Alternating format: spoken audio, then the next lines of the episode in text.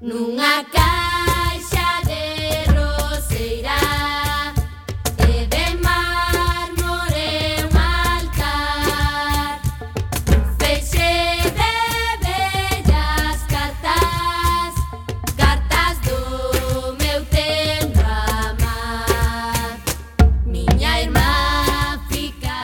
Moi boa tarde, Sentiña Recendeira. Benvidas, benvidos a este espazo radiofónico semanal dedicado á cultura Que facemos todos os martes en rigoroso directo. E sempre a mesma hora, a sete da tarde Nesta que naceu como Radio Comunitaria da Coruña. En Cuac FM estamos.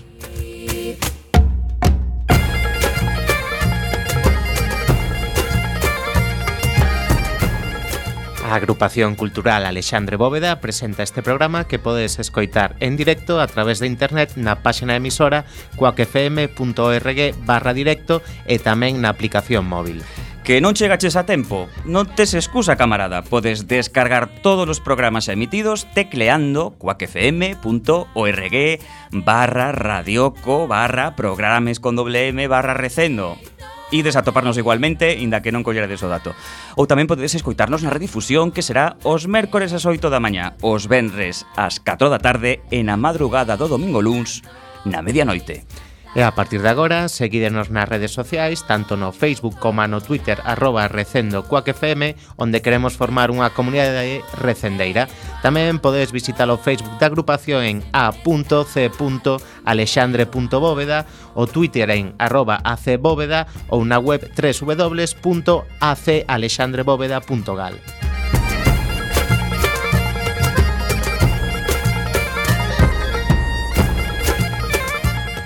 Pois xa que estamos aquí xa que arrancamos, imos caralón a procura desta sempre fantástica aventura cultural con Roberto Catoira no control técnico e, como sempre, falándolles con esa alma enteira, Javi Pereira na locución. E Manu Castiñeira.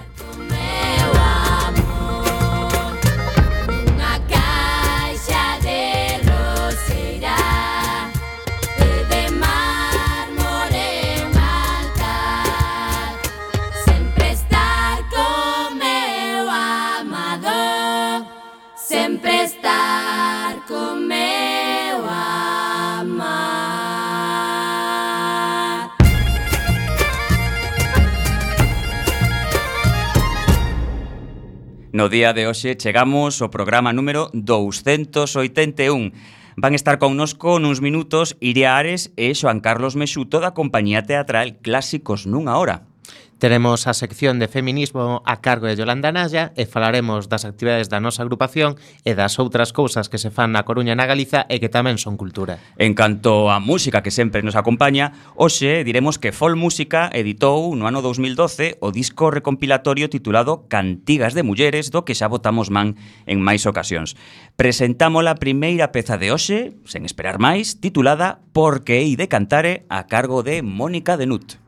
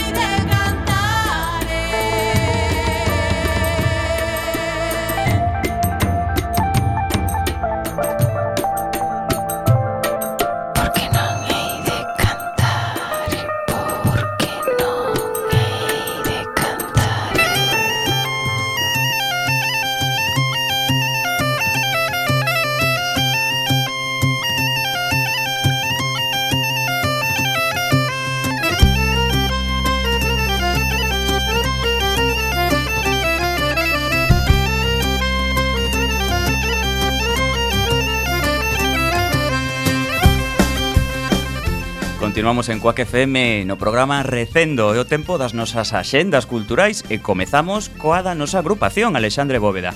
Neste intres, inda que ben podedes esperar a que acabe o programa, pode verse a exposición con fotografías da Terra Chá realizadas por Alejandro Rego. Estará ata o día 19 de marzo no noso Salón de Actos.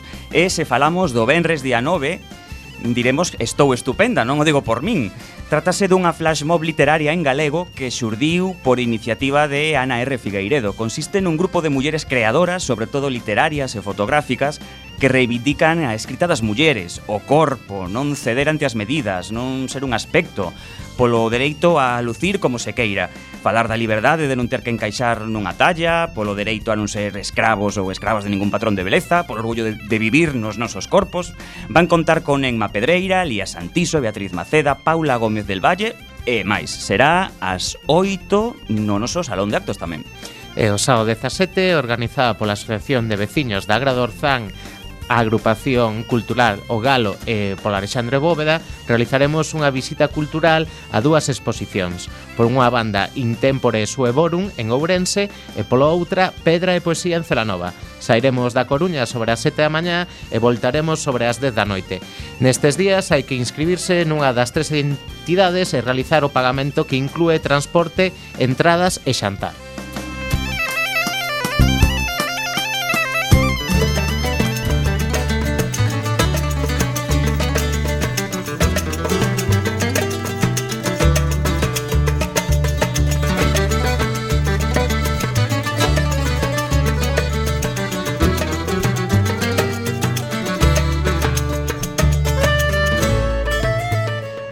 Trasladámonos agora a un ámbito máis local, temos unha chea de propostas para a Xenda Cultural da Coruña.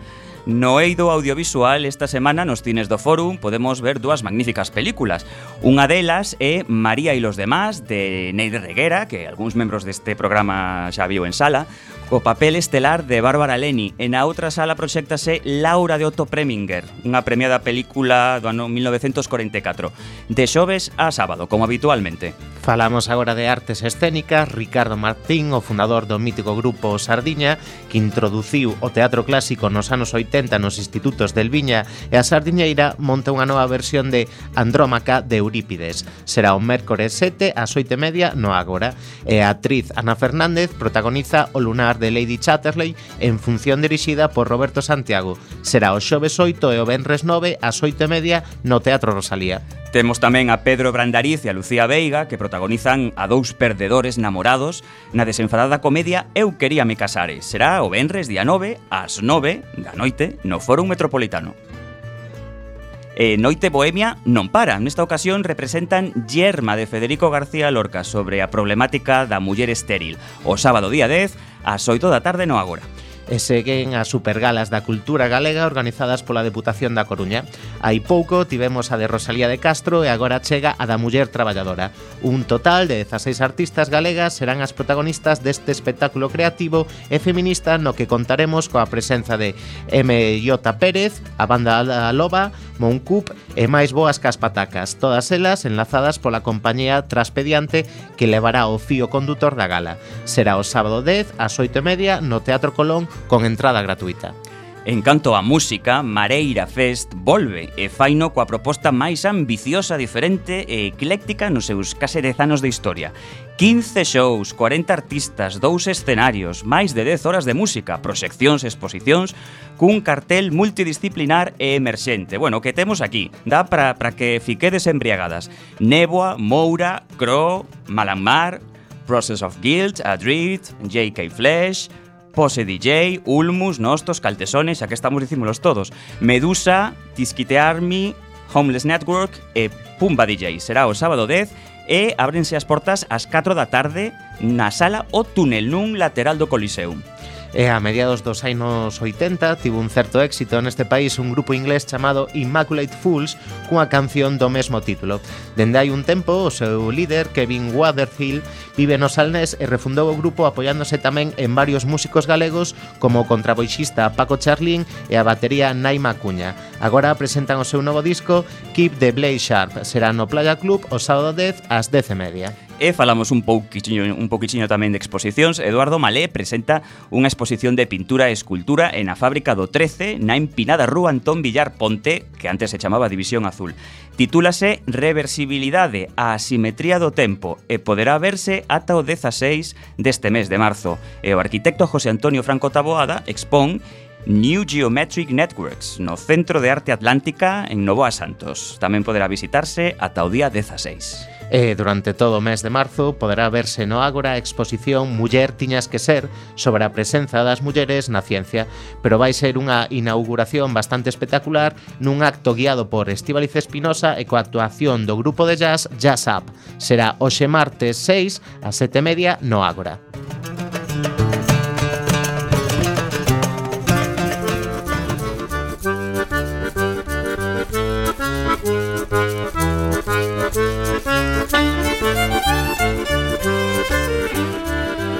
E rematamos o tempo adicado ás nosas axendas percorrendo a terra galega.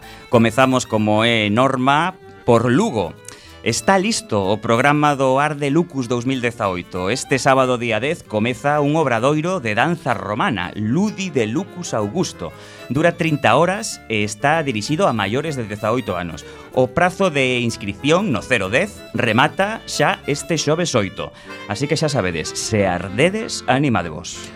Baixamos a Taurense, con nove edicións ás súas costas, Voces Femininas está considerado polo público e polos medios de comunicación como un festival teatral veterano na escena cultural estatal.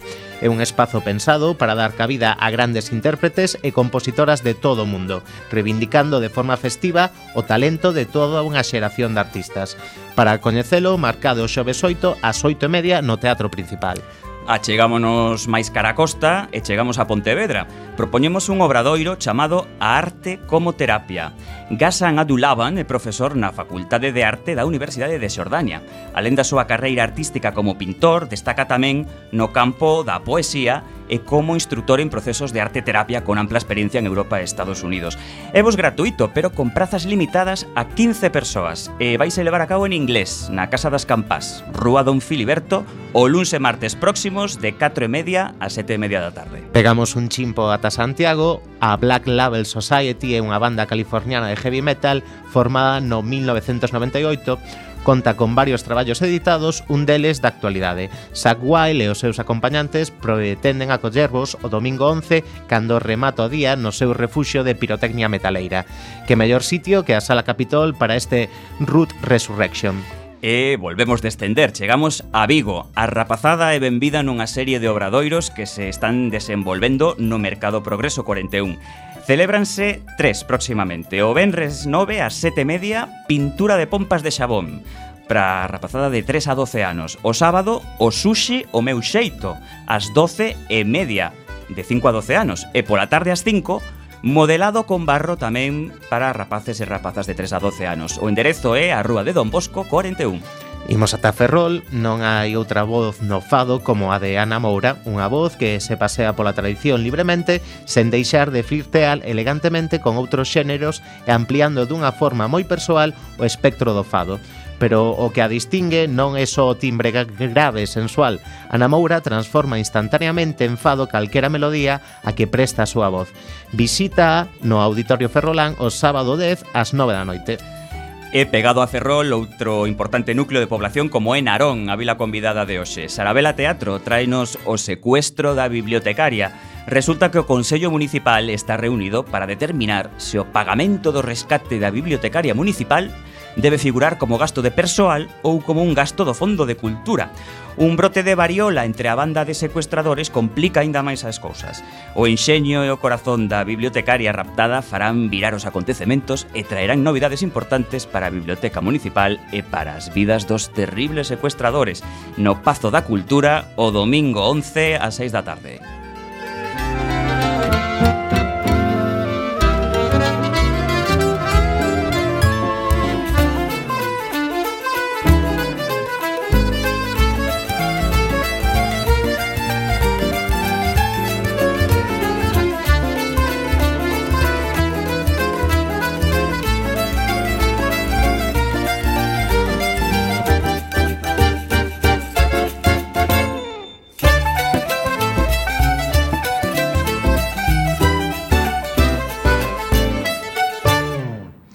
Recendo comezaba a tempada deste ano cunha pequena homenaxe ao grupo de teatro da agrupación cultural Alexandre Bóveda que estivo dirixido por Xoan Carlos Mexuto.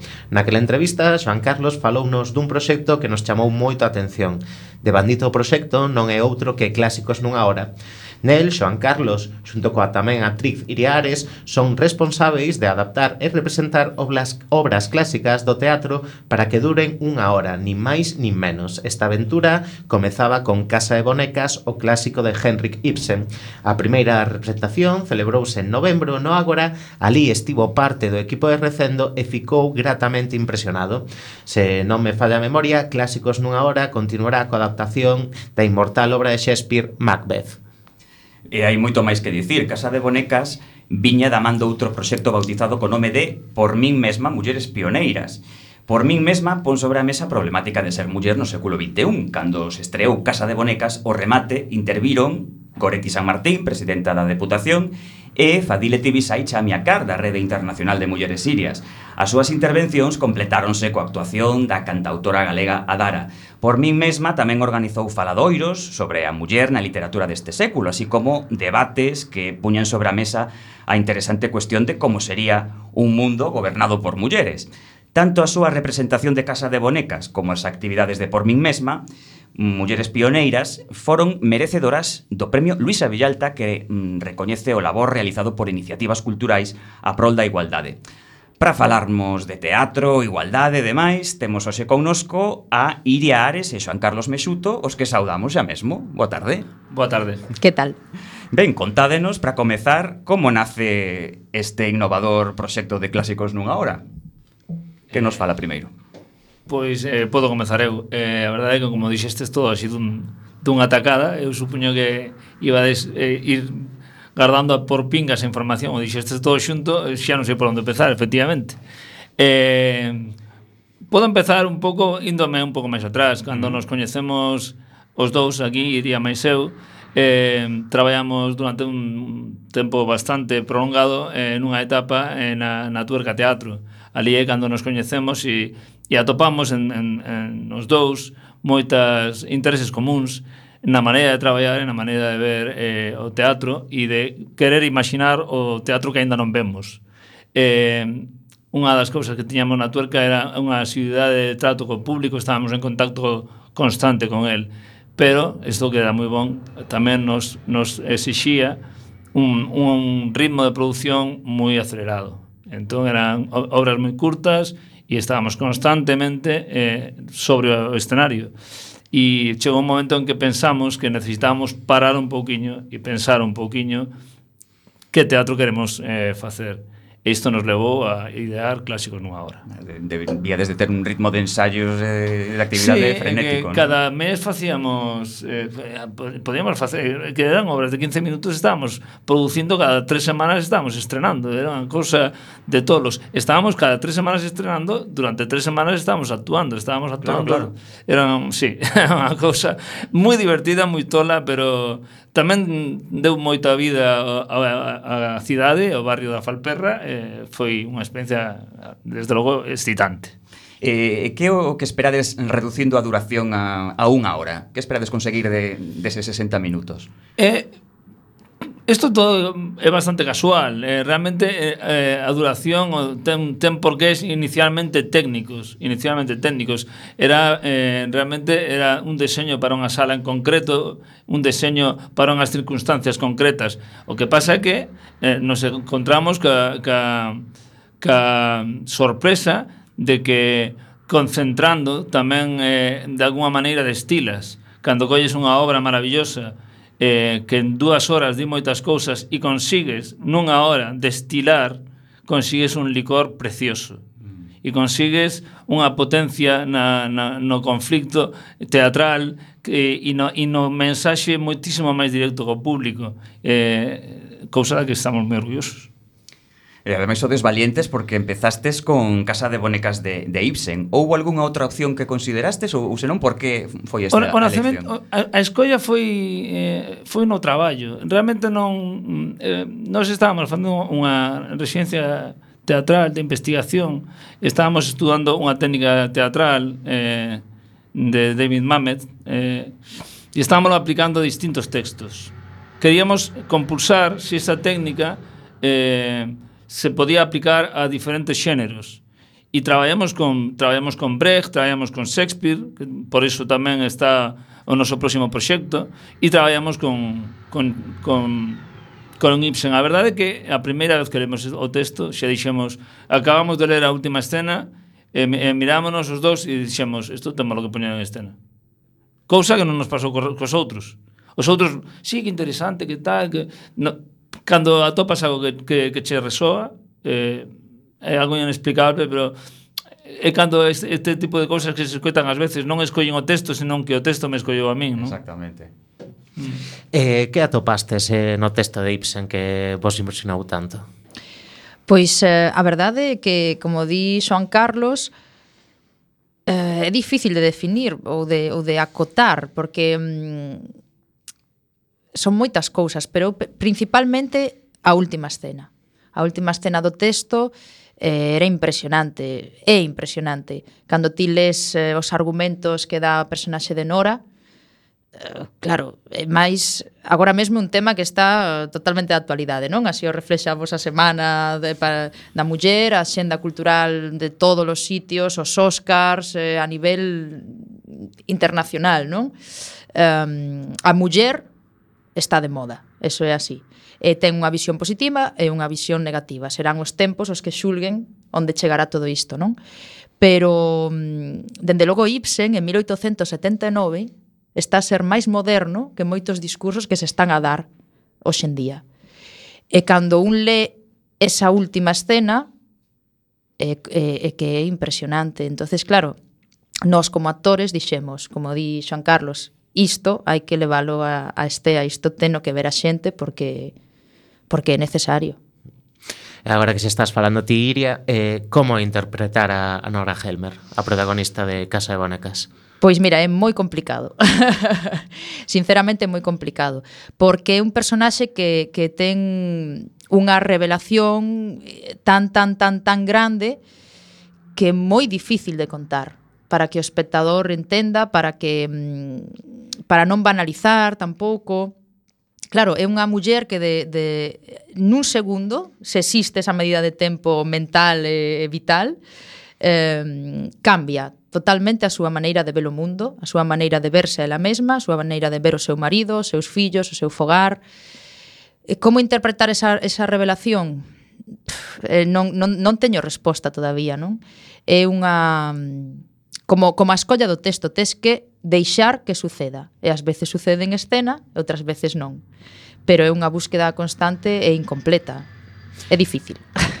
E a marxe desta revelación que, que, que sufre ou eh, que ten a sorte de padecer Nora, nalgún momento te sentiches identif identificada con Nora e o seu conflicto? Ou... Sí, como muller, eu penso que todas as mulleres que escoiten a Nora Elmen ou a Nora Elmer, perdón, ou que lean o texto de Ibsen, eh, van sentirse en algún momento e con algún dos aspectos que ela toca identificadas. Eso xa é moi personal.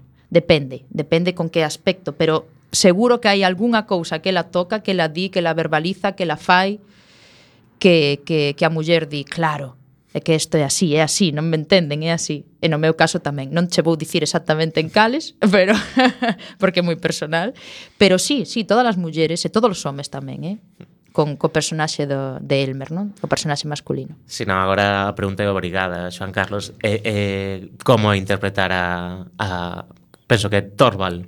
Torvald, Torvaldo, sí, Torvald. Hm.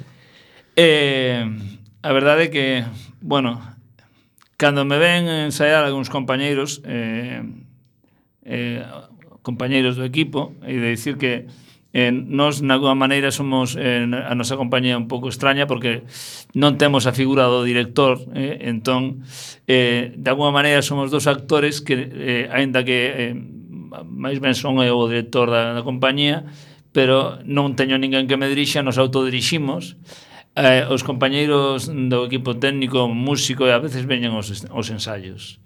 Cando me ven, moitas veces eh, din, e a min sorpréndeme, que mm, notase moito que a Mejuto lle cae mal o personaxe.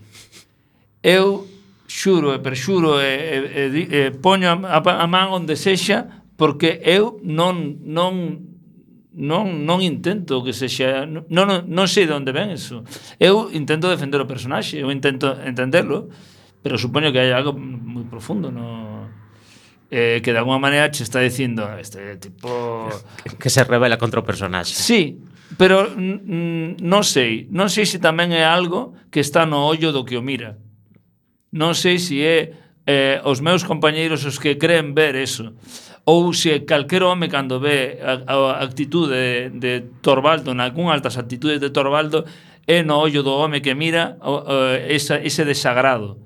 Porque vemos algo, vemos... E, e son, eu creo que actitudes que na vida diaria de alguma maneira casi todos os homes temos algunha vez e que moitas veces ou na maioría dos casos non nos damos conta.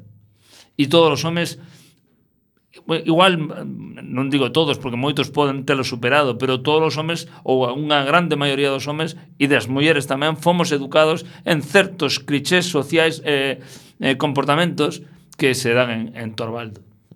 E que el dá por feito. E de, de feito Torvaldo eh, no, no, eh, o, o personaxe sería un ideal, sería eh, no que é o, o canon da sociedade da época de Ibsen sería o marido perfecto pero o marido perfecto dentro dunha, dunha escala de valores totalmente eh, corrompida por, por unha desigualdade brutal entre homes e mulleres, por, unha, por un patriarcado feroz.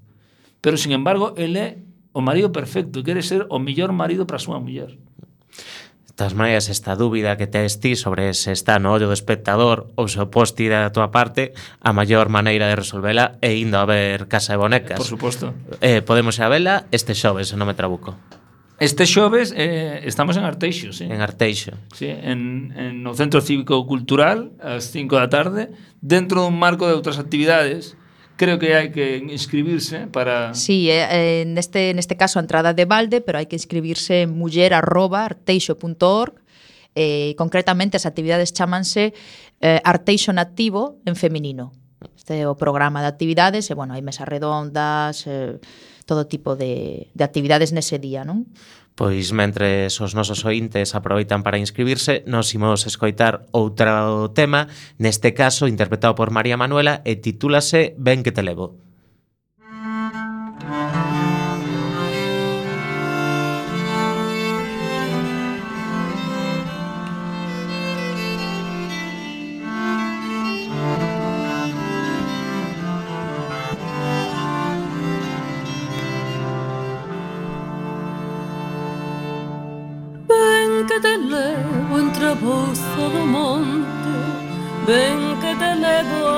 heureux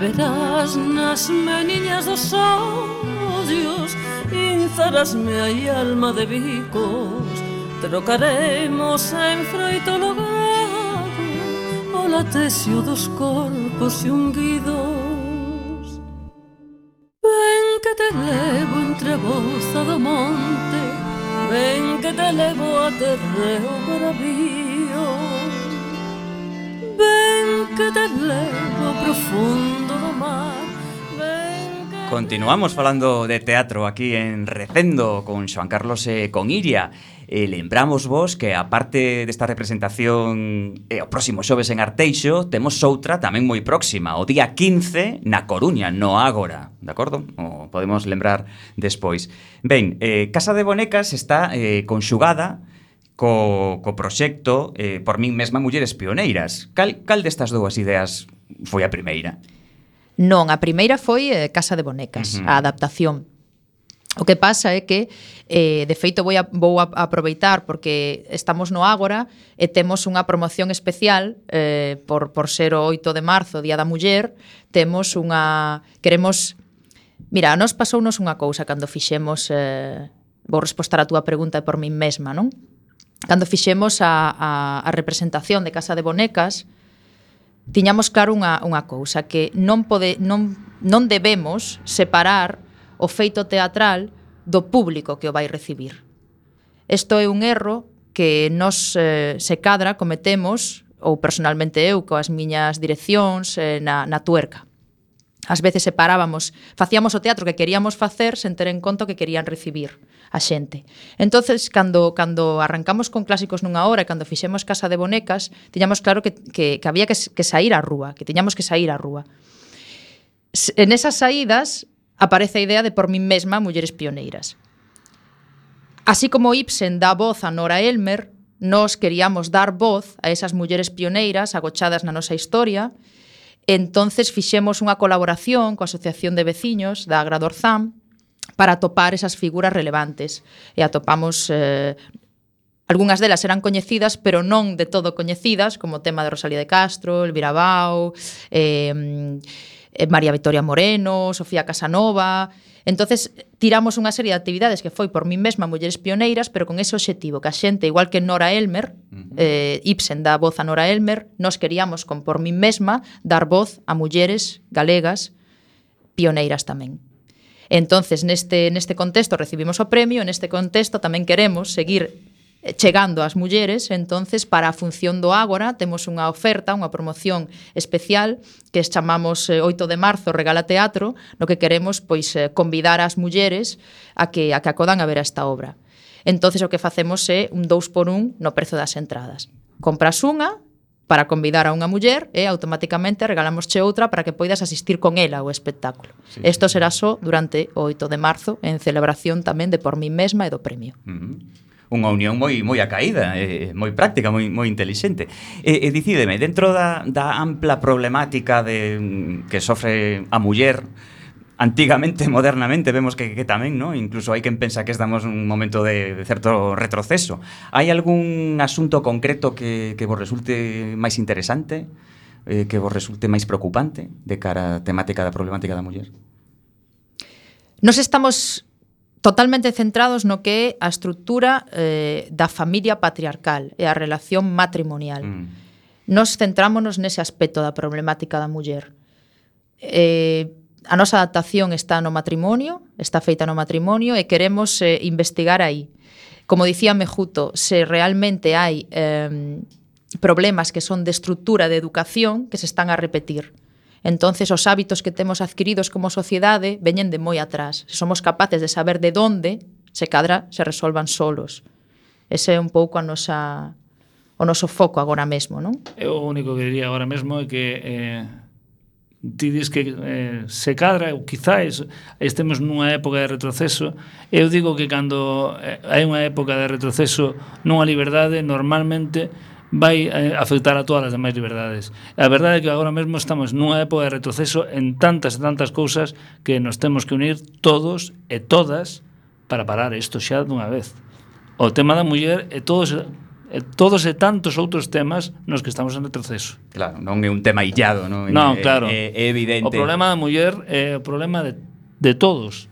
Se a muller está peor hoxe que, an, que onte ou antonte, estamos peor nós tamén por permitirlo. E este, eh, se, se os mineiros, se os, se os do gando, se os, do, se os da pesca, se os do, se os do naval, se os do campo, hai tantos retrocesos que temos que parar. Hoxe falamos da muller, pero hai moitos outros retrocesos tamén. É moi interesante que fagades este comentario porque non é algo evidente para toda a xente, é algo que ten moito calado, desde logo. Sí, e ademais eu penso que desde, desde o teatro eh, eh, hai que hai que hai que sinalalo.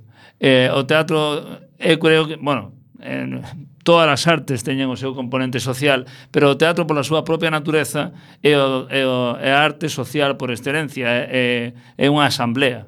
O teatro é unha asamblea. O, o teatro é unha tamén lle chaman a misa a misa civil, non? É, é onde se congrega unha, unha sociedade para verse a si sí mesma. E, e se nos miramos polo miúdo, igual efectivamente nos empezamos a dar conta de que No tema da muller estamos en retroceso, en tantos outros temas. Eh, eh, hai pouco fomos ver un espectáculo eh, que era uh, eh, El Padre, eh, Héctor Alterio.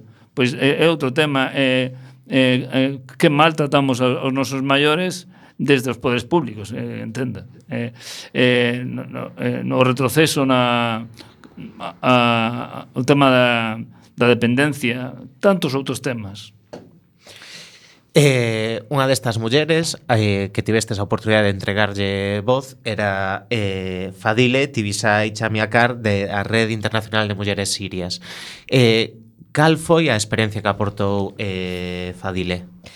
Pois mira, impresionante, porque a historia da súa vida é que eh, cando a escoitamos por primeira vez non é que non tan, é increíble É unha muller que nace en Venezuela, eh, pero os seus pais son sirios, viaxa a Siria con eles cando ten oito anos, despois eh, entra no Partido Comunista e eh, acaba no cárcere, eh, queda embarazada como nai solteira eh, dun, eh, dun rapaz que era doutra religión, isto que en Siria é pecado mortal e de feito a súa familia ten dereito a matala directamente, eh, é eh, unha especie de, de lei de defensa do honor terrible, e eh, era marcha. Era do Partido Comunista tamén. Tamén, tamén, marcha, escapa a Suiza, pide residencia, depórtana, volve a Venezuela, marcha, bueno, medio mundo, despois viaxa ao Reino Unido, despois e acaba en España, eh, Andalucía, finalmente acaba en Galicia, non? Entonces recorre medio mundo embarazada, despois eh, deixando os seus fillos, despois ten que volver eh, nunha especie de secuestro para leválos con eles e finalmente ten dous fillos, o, o, o rapaz, o mozo, está co pai, e, e ela pode agora estar coa súa filla, que xa é maior de idade, pero é que é unha historia espectacular. É unha historia que ela define como eh, unha loita por conseguir, por acadar a súa liberdade, e que finalmente ela di, afirma rotundamente que conseguiu. Entonces é eh, impresionante escoitala. A, a parte impresionante supoño que tamén é esperanzador escoitalo o, o Sí, relato. porque sucede unha cousa, é que despois de todo isto, que é a, met a metade do que lle pasa, porque senón estaríamos aquí media hora, eh, ela está a traballar sen, sen, sen que a dean de alta, coidando unha, unha persoa maior, e fala da vida como se fora cada instante maravilloso, agradecemento, é unha vida moi complicada, inda hoxe, entonces claro, é o que dicía Mejuto, é que ás veces eh, faltan moitas cousas e un problema de actitude. Se estas persoas que pasaron por todos estes calvarios inda teñen forzas, inda teñen ganas, inda pois pues, que facemos nós, non? Que estamos quietos. E cando conta a súa historia, que é unha historia chea de, de reveses, tamén de, de, de valentías, eh, o, o conta desde unha actitude de superación, e, e, e a máis cun certo cun certo humor bastante bastante irónico e de feito na, na intervención que tivo na Ágora eh, aínda que toda a historia eso podría ser un, un, unha traxedia a xente recibiu unha eh, moi moi agradablemente porque eh, a conta moi ben, a conta moi alegre, eh, a, a conta con esperanza, sí, efectivamente. Antes que falaba Iria de ter en conta a xente que vai ao teatro como parte do espectáculo, como reaccionou ante esta mestura de ficción aínda que no caso de Casa de Bonecas é unha obra realista, con este relato de, de Fadile que é totalmente real, que nin tan sequera, digamos, está mediado por un texto. Como, como leva iso ao público? Este, por un lado, estar vendo unha cousa que unha recreación e, por outro lado, unha cousa que é a, a pura realidade. Eu creo que as experiencias eh, que eu coñezo, os testimonios, a xente que me falou, eh, dixo que, sobre todo, o, o que máis lle chamaba a atención era a similitude sendo historias bastante di diversas eh, porque se si falamos de Nora Nora Elmer é eh, un personaxe eh, da burguesía de, do século XIX de Escandinavia, de Noruega non sei exacta, Noruega. E estamos falando dunha muller de hoxendía da cultura árabe Sin embargo, eh, e incluso no propio testimonio de Fadile, era, ela decía sentirse identificada con Nora Elmer. Sí, foi moi curioso cando dixo que é que tal cual, decía, bueno, en español, ¿eh? ¿no?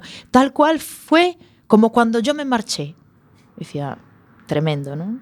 É que era, buf, Entón, eh, de repente, o, o espectador o que ve é eh, un, un personaxe. Moitas veces, cando ves un personaxe, bueno, é unha ficción. E, de repente, eh, ve a ficción, o personaxe, e de repente ve unha persoa que encarna algo moi similar.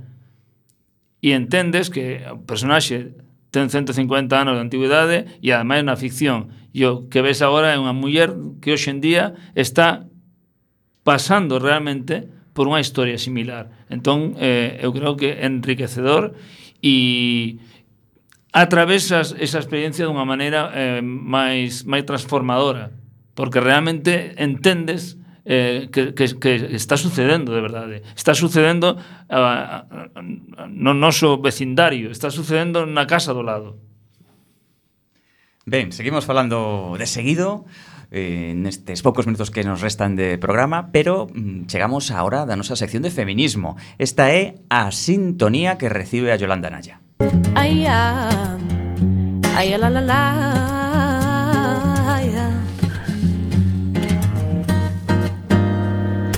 Ai, santa muller que me escoitas? Escoita ben to que trae a resposta. Ai, santa muller que non lembras? Escuítate a ti que xa razón. Boa tarde, Yolanda. Hola, que tal? Moi boa tarde. Que nos contas hoxe? Hola, bueno, pois de primeiro Eh, bueno, encantada de estar participando en sección de feminismo, evidentemente, muchas gracias. A ti. Eh, eh, bueno, y ademais, bueno, con bastante, digamos, alegría, ¿no? En unha data significativa eh, de denuncia e de loita, ¿no? Do feminismo eh, internacional, do feminismo galego tamén. E estamos, como feminismo galego, moi contentas, porque, bueno, supoño que saberedes o éxito que tivo a manifestación do pasado domingo, sí. en Vigo. Sí Entón, bueno, estamos, eh, bueno, superou as expectativas das organizadoras, eh, máis de 15.000 personas, eh, bueno, un montón de xente nova tamén, eh, foi bueno, pues un ambiente moi lúdico, festivo, pero sempre, sempre de, ca denuncia de discriminación que padecemos de moitos, de, moi, de moitos ámbitos. Bueno, como sempre, eh, cada ano sempre eh, pues, eh, denunciamos máis ou menos eh, o mesmo. pero hai anos máis importantes, eu penso que este é significativo precisamente porque, aparte de denunciar eh, pois, pues, cosas tales como a fenda salarial, que nos sigue a, a, a grande fenda salarial que temos co, co, co salarios dos homens, con todo, pero eh, xusto este ano vai haber unha folga, hai unha folga internacional, na que tamén o feminismo galego participa, evidentemente. Mm Entón, eh, bueno, eso, pues, eh, básicamente, pues, contarvos un pouquiño eh, de que, bueno, a manifestación foi previa a eso, eh, que penso que vai ter bastante éxito, e polo menos eso que o que agardamos. Eh, e, bueno, e tamén hai manifestacións, a manifestación eh, do, do propio día 8 de marzo, sairá a sete media da Praza de Pontevedra, rematará no, no Campo da Leña este, bueno, unha manifestación que aquí que imos mulleres, pois, a título individual, e diversos colectivos feministas, bueno, que, xa, que están, bueno, unidos, ¿no? unidas en isto. Sí. E participaremos en baixo a Asamblea Galega sobre o M, tedes se queredes máis información, pois no, no, no Twitter de Galega 8M, no Facebook tamén, eh, toda, toda a información que, bueno, que precisedes. Pero, bueno, sobre todo, quería facer pois, un chamamento a que participemos todas e eh, todos tamén e que, bueno, que se un éxito. Moi ben, este xoves a sete e media con saída en... Desde a Praza de Pontevedra, de... sí, e remata no, sí, no Campo da Liña. Eh, bueno, é que isto marque pois, pues, un inicio de, bueno, que non sexan necesarias, ¿no?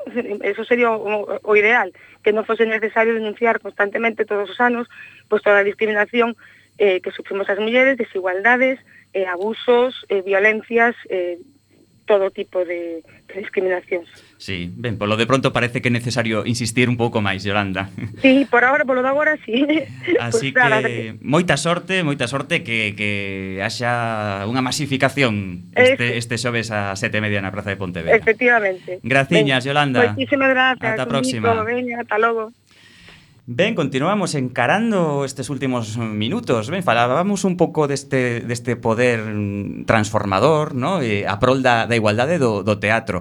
Eh, vos como, como expresaríades este poder transformador? En clave orgánica, en clave visceral? Eh, vamos a ver, eh, sobre, sobre isto eh, debas eh, teorizando desde, desde Aristóteles, o que se, se chamaba... Eh, bueno, eh, non me sale agora eh, a, a, a palabra a palabra que utilizaba Aristóteles Anacnórise, pode ser? No, non era máis complexa. Pero, bueno, tanto ten. Eh, el fala dunha purificación, el fala de que a través da, da, da, de ver as emocións eh, no, en, no, en riba do escenario o, o, a alma se purifica. Unha catarse, eh, pensaba. Catarse, efectivamente, catarse, non anagnórise. Catarse, efectivamente, non me saía. Mira, ti estaba aquí. Mira, unha palabra máis de uso común. Sí, sí, sí, sí, sí, pero eh, cando a palabra non aparece, non aparece. Bueno, chegou, chegou, catarse. Eh, nós agora mesmo que si que detectamos eh, nas nosas funcións e é que eh, neste espectáculo en concreto eh, cando, cando se acude en parella, e non ten por que ser a parella sentimental, non falo, senón en parella eh, que teña unha relación eh, cercana de convivencia, eh, este espectáculo se recibe de outra maneira. Eh, nos lo comentaron bastantes persoas, eh, persoas que acudiron en grupo e nos falaban da súa experiencia, persoas que acudiron eh, en parella, ¿no? tanto co, eh, o home coa súa muller, a filla ca, ca súa nai, eh, porque ven ven roles eh, eh, eh, relacións e ven comportamentos e recoñecen, non? E se recoñecen esas parellas se recoñecen a sí mesmas nese, nese conflicto de poder doméstico que se ven no noso espectáculo. E ven como eh, como se loita polo espacio propio, como se loita pola liberdade, como é posible intentar loitar todos os dous dunha parella pola liberdade do outro, pero é complicado. É complicado, sempre hai o roce da convivencia e, e o, o non entenderse. E isto en parella eh, vemos que os nosos espectadores eh, es, eh, teñan unha experiencia moi moi grata. Eh, desde queres engadir algo, Iria? No, no, que está está eu penso que está perfectamente contado. Eh, o único que me estaba a lembrar ora dunha dunha experiencia en concreto dun dun matrimonio que ela cando rematou a a función dicíame a mí, é que ao rematar lle dicía a él, "Isto, isto é o que eu che quero dicir e ti non ah. me entendes." o objetivo conseguido, por tanto. Sí, esa foi, por eso me veo así agora rapidamente a memoria, sí. Eh, esa desde un punto de vista centrado no actor, na na actriz, mm, como podedes explicar explicar ese, ese enganche que, que o teatro en concreto eh, provoca nos actores? O teatro no seu conxunto, esta peza en concreto, o teatro dis. Sí, o teatro, bueno, o podedes eh, eh, que, concretar nesta obra, se queredes. Digoche porque o teatro eh, eh, ten tantos estilos e tanta mm. variedade, sí, é moi distinto nunha comedia a unha farsa eh, mellor concretar porque nos podíamos eh, estar aquí falando e falando e falando. Eh, nesta, nesta obra en concreto, eu polo menos. E ademais, eh, como enfrontamos estudando unha serie de... A, cando empezamos a, a ensayar, estábamos eh, estudando unha serie de técnicas de interpretación que se basan moito na, na escoita do outro, na mirada e in, in, no, no contacto directo co outro. E eh, a verdade é que nunca ou poucas veces... Eh, eh, o, a comunicación directa co outro, o, co outro personaxe eh, eh, eh, o, como diría, o abismo na ollada do outro eh, eh, sí que me produce unha, un, unha conexión moi forte que con outros espectáculos non se dá. Esa, esa mirada. Eh, en nas primeiras nas primeiras funcións sorprendoume moito porque non pasaban nos ensaios eh, na primeira segunda escena xa estaba chorando ela, cousa que eh, é impresionante eh, a forza que ten na mirada. Sí, sí, sí. Bueno, e eh, ser boa actriz tamén. sí, sí, por suposto. Eh, Credes que ides seguir investigando neste formato que houbo entre Casa e Bonecas e por min mesma, no que de alguna maneira hai algo externo á obra que apoia a reflexión do tema que, que está a tratar o texto? Sí, sí, para nós é, é fundamental. É fundamental porque é que é unha necesidade que nós temos como creadores, non? Um, por exemplo, o seguinte proxecto que é Macbeth. Ti cando les o texto de Manolo, a adaptación, perdón, de Manolo, nese galego dis é que eu non entendo por que o galego non se fala máis ou non está tan valorado como outros idiomas, porque despois de ler Shakespeare, que non imos descubrir aquí quen é, non? E de repente ler Manolo, a Manolo Lourenzo, e ver que a súa adaptación está ao nivel da, da, da original de Shakespeare, é moi forte. Entonces, claro, eh, imos seguir eh, afondando nisto porque non só son as obras, son as colaboracións, son os descubrimentos que imos facendo, son, por exemplo, eh, o, o título de Macbeth, O ruido e a furia, tamén vai moi ligado co, co, con esta reivindicación do reino de Galicia, non? Porque eh, está aí, o sea, as meigas son as bruxas, ou as bruxas son as meigas, a nosa tradición celta. entonces eh, eh é como abrir a caixa de Pandora, empezan a salir temas e eh, eh, cousas que, que para nós son moi enriquecedores, non só como actores, non só como compañía, senón como persoas, non? entonces é unha liña que imos seguir tanto neste formato de clásicos como na dramaturxia propia, que tamén iniciarame justo para o ano que ven, porque xa non, insisto, como persoas, como galegos, como seres humanos, é impresionante todos os procesos creativos, non? xa imos quedando sen tempo, se brevemente podedes eh, recordar as datas das próximas representacións de Casa de Bonecas.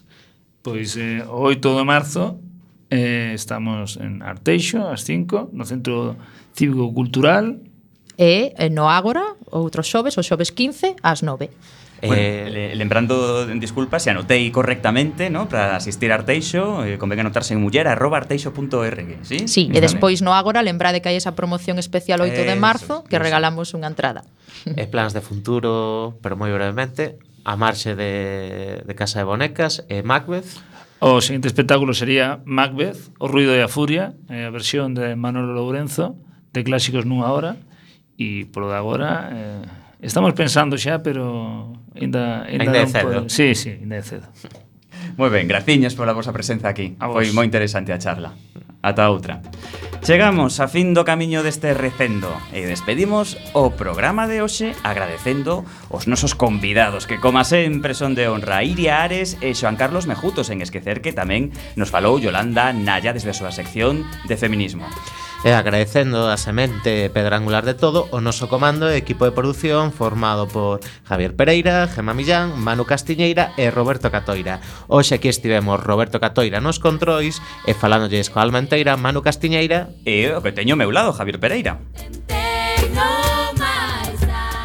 acompañándote neste recendo de palabras e de imaxes radiofónicas que nos traen este aroma cantado na nosa lingua e que nos permite, hoxe e tamén no futuro, a permanencia da palabra, da música e da implicación e o compromiso coa nosa nación, a Galiza. Despedímonos desde Coac FM ate o vindeiro martes ás 7 da tarde, como sempre, en directo, nesta emisora. Cuac FM, a emisora Radio Comunitaria da Coruña. Xa sabedes, recendo as mil primaveras que terá o noso idioma. Xa